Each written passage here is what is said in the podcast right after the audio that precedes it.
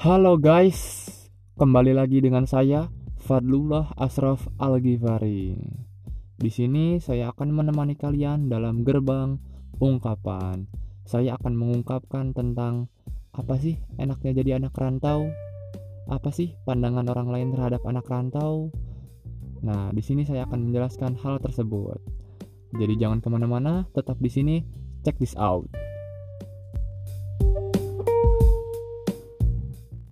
Oke, baik. Uh, pertama, saya akan menjelaskan masalah pengalaman pribadi saya. Mengapa bisa terjun ke dunia rantau dan kenapa bisa dicap sebagai anak rantau. Jadi apa ya? Filosofinya tuh asik. Filosofi udah kayak apa aja filosofi. Latar belakang lah, latar belakang saya itu waktu duduk di bangku SMP itu antara tempat tinggal dan tempat kelahiran itu berbeda.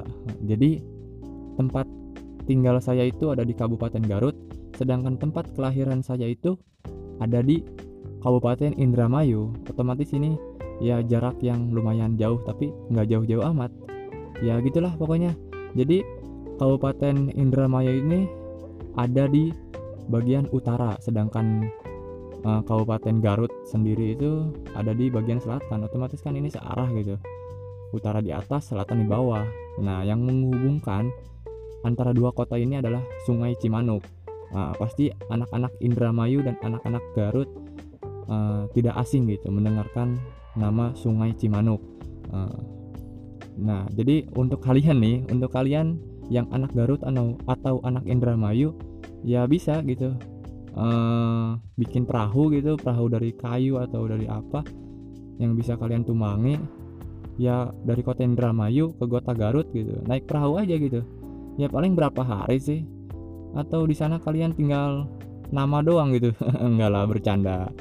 Nah langsung ke topik pembicaraannya aja ya. Jadi uh, saya itu dulu di bangku SMP itu di Kabupaten Garut. Nah waktu itu saya harus kelas 3 ya. Udah lulus nih udah lulus ceritanya. Nah di sini saya di situ saya harus memilih sebuah keputusan. Keputusan yang sangat berat bagi saya. Bagi saya jadi apakah saya melanjutkan pendidikan di Garut atau di Indramayu yang harus merantau gitu, jauh dari keluarga. Nah, di situ saya sangat bingung gitu. Bingung tujuh hari tujuh malam gitu memikirkan hal itu.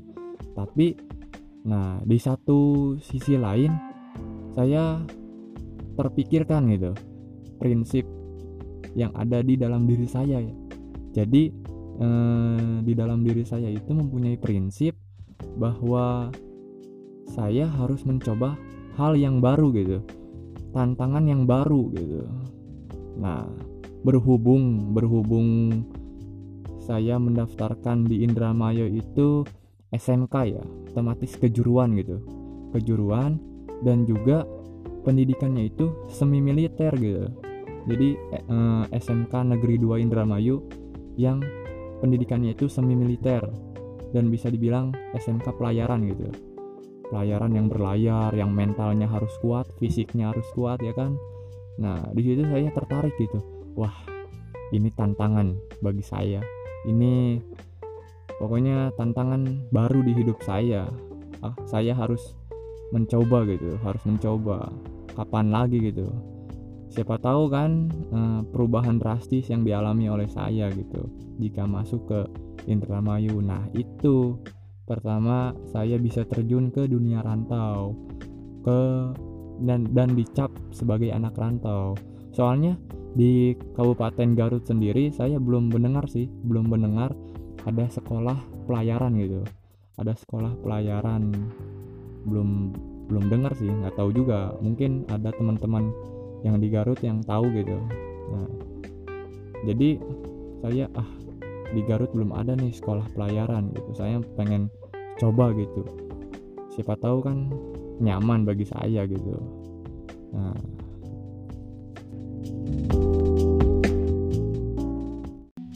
Nah, jadi gitu guys.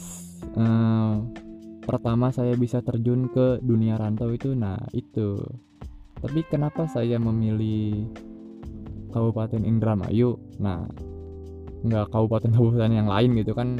SMK pelayaran gitu kan banyak gitu nggak hanya di Indramayu. Apa ya? Jadi uh, saya itu berpikiran selama saya waktu di kelas uh, gimana? Waktu kelas 3 SMP itu saya mungkin berumur 14 atau 15 tahun lah. 15 tahun lah. Nah jadi selama 15 tahun itu saya belum pernah tinggal di Indramayu. Di tempat kelahiran saya sendiri belum pernah. Jadi saya belum mengenal jauh gitu. Bahasanya pun saya belum tahu. Jadi otomatis wah asik juga nih. Kepo nih. Kota kelahiran saya itu bagaimana ya padahal saya asli orang Indramayu gitu masa nggak tahu sih? Ya itu yang um, memutuskan saya harus merantau ke sana gitu Nah, jadi gitu guys. Uh, sebelumnya nih, sebelumnya saya mau ngasih tahu kalian kalau saya itu di Indramayu itu uh, ikut sama kakek nenek gitu. Jadi mungkin anak rantaunya itu anak rantau masih apa ya? Versi bawah mungkin ya. Nggak yang kayak ngekos sendirian, harus masak sendirian, nyuci sendirian, mungkin makan mie terus nggak saya itu ikut kakek nenek otomatis kan ngebantu kakek nenek juga gitu kan. Ya masih ada keluarga lah keluarga sedarah gitu kakek nenek gitu. Tapi ya jauh dari keluarga ayah ibu adik kandung gitu kan. Sedih juga. Jadi uh, saya banyak nih teman-teman yang nanya ke saya gitu. Apa sih enaknya jadi anak rantau? Kenapa nggak di tempat tinggal kalian aja gitu? Tempat tempat tinggal sama ayah ibu gitu kan. Di sana di tempat tinggal kan merasa lebih nyaman gitu. Tapi bagi saya itu keluar zona nyaman itu keluar zona nyaman itu jadi mencari hal yang baru dalam pandangan kita itu hal-hal yang baru yang kita tangkap itu bisa menjadi apa ya sebuah ya sebuah rasa kebahagiaan sendiri gitu.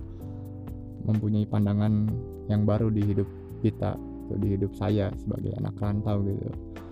Jadi apa enaknya gitu ya kan? Eh, enak gak enaknya sih ada dua-duanya gitu.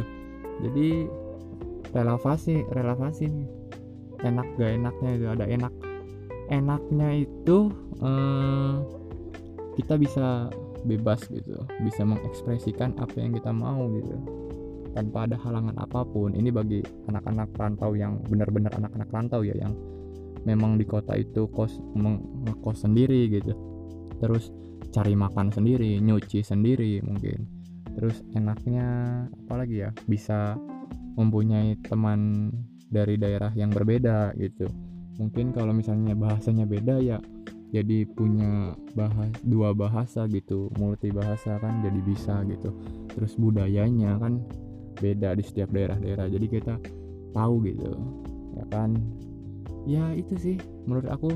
Terus juga kan uh, kalau misalnya uh, anak rantau itu identik dengan ya mandiri lah mandiri gitu.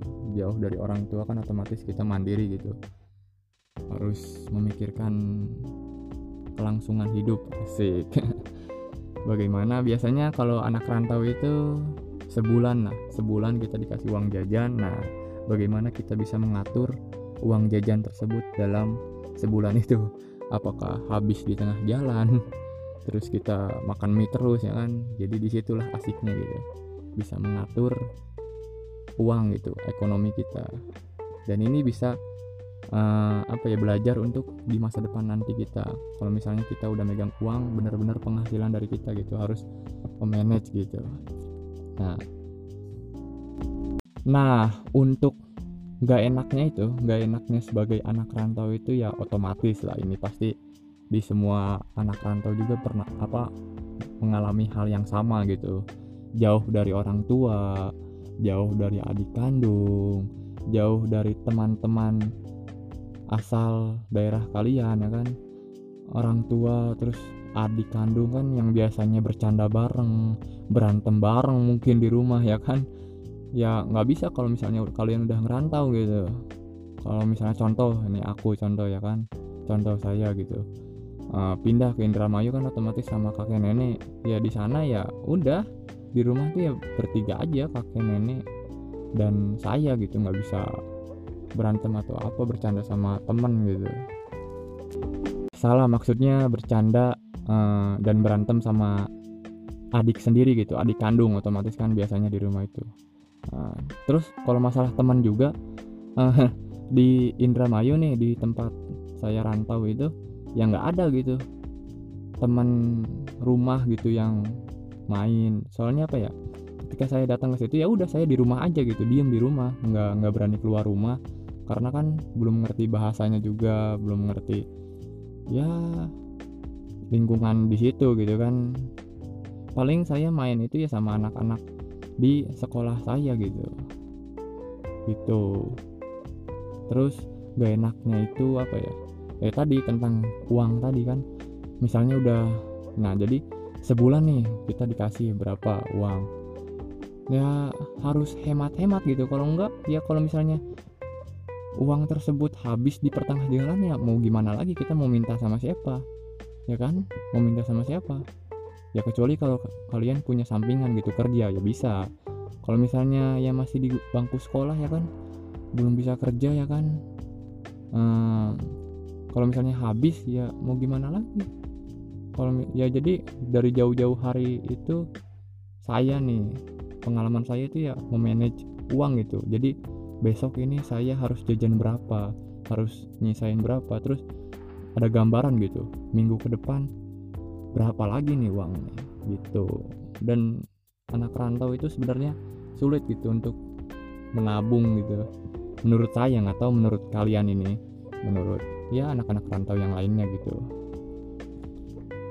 Dan ada lagi nih yang gak enaknya ini. Nah ini menurut pribadi saya ya mungkin teman-teman kali teman-teman kalian atau teman-teman yang mendengarkan ini yang mempunyai hal yang sama dengan saya gitu jadi saya ini nih saya kan nah saya itu dipanggil dari daerah asal saya gitu contoh saya ngerantau di Indramayu. Nah, di Indramayu ini saya dipanggil-panggil dari daerah asal saya gitu, Garut. Jadi di Indramayu ini saya dipanggil Garut, Garut, Garut ya. Gak enak juga ya kan. Tapi nggak apa-apa lah, itu kan bercanda berarti kan. Ya friend lah. Jadi emang udah dekat lah. Jadi udah akrab gitu. Garut Garut Garut Garut. Nah, udah biasa lah saya ngedengar hal kayak gitu. Ya itu hal yang wajar sih. Karena kan saya ngerantau di sana. Otomatis kan mereka taunya kan tempat asal kita gitu pertama tuh. Dari mana dia? Dari Garut. Ya jadi otomatis Garut Garut Garut gitu nah itu yang gak enaknya tuh. Kan padahal nama saya bukan Garut. Nama saya kan Fadlullah gitu. Keren ya kan? Kenapa bisa dipanggil Garut ya kan? Itu nggak enaknya tuh. Mungkin teman-teman juga merasakan hal yang sama dengan saya gitu. Terus uh, ke topik yang lainnya ke topik pembicaraan itu uh, kita membaca uh, menjelas apa? Saya akan menjelaskan pandangan orang lain terhadap saya gitu pandangan orang lain terhadap anak rantau gitu. Banyak banyak sih berbeda-beda pandangan orang lain itu. Ada yang ya beranggapan bahwa saya itu mandiri bahwa saya itu berani lah bisa keluar dari zona nyaman padahal baru duduk di bangku SMK udah berani keluar gitu kan.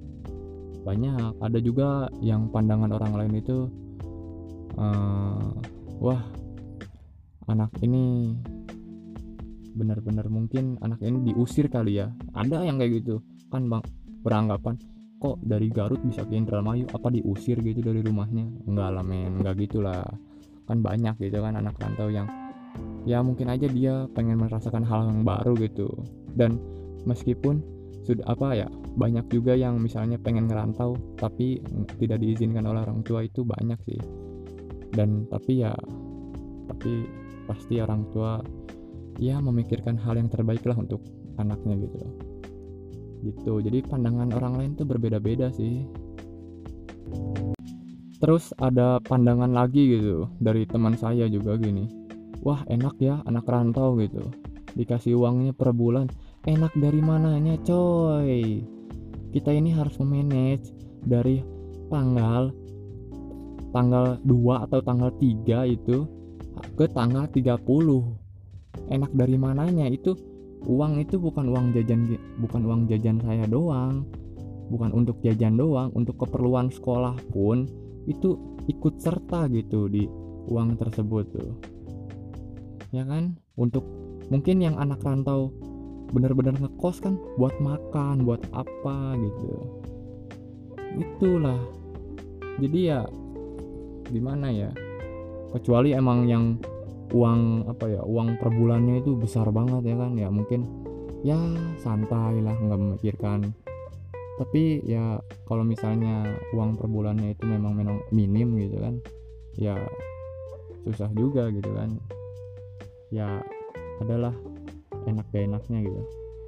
Mungkin itulah pandangan orang lain terhadap saya gitu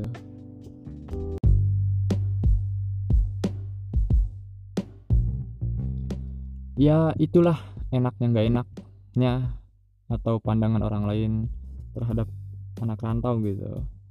Ya pastilah nanti kalian akan merasakan hal yang sama yang saya tadi ucapkan gitu ungkapkan gitu. Kalian akan pasti mengalami gitu. Kecuali yang memang orangnya itu pengen di daerahnya gitu terus seumur hidup gitu ya. Itu lain cerita gitu yang kenapa nggak keluar zona gitu kan.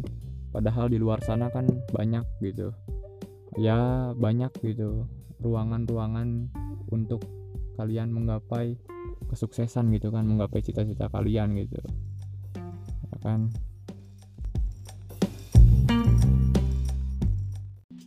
ya mungkin itu saja yang bisa saya sharing gitu kepada teman-teman tentang dunia rantau, tentang pengalaman pribadi saya, enak gak enaknya, terus pandangan orang lain. Mungkin itu saja. Dan jangan lupa ini di share ya, terutama untuk teman kalian yang atau kalian gitu yang pengen ngerantau gitu kan bentar lagi gitu. Terus jangan lupa di share lah. Pokoknya mah di share weh atau diikutilah atau naon lah pokoknya mah. Didengarkan sampai terakhir juga ya alhamdulillah. Nah, gitu. Ya kan? Jadi mungkin sampai di sini saja saya menemani kegabutan kalian atau masa-masa rebahan kalian ya kan? Di masa lockdown ini pasti kalian ya uh, merasa dunia ini milik kalian berdua gitu antara kasur dan kamu gitu dan kalian gitu. Karena kasur ini bersifat posesif gitu nggak mau ngelepasin kamu gitu. Dan saya ingin mengajak mengajak kalian untuk berkarya berkarya sebisa kalian ya produktif gitu. Meskipun di rumah aja. Dan jangan ke mana-mana ingat ya. Dan berdoa semoga wabah COVID-19 ini menghilang dari dunia ini. Dan kita bisa beraktivitas seperti biasanya. Asik. Ya. Uh, sampai bertemu di episode-episode selanjutnya dalam gerbang ungkapan saya Fadlullah Asraf Al Ghifari sampai jumpa. Salam literasi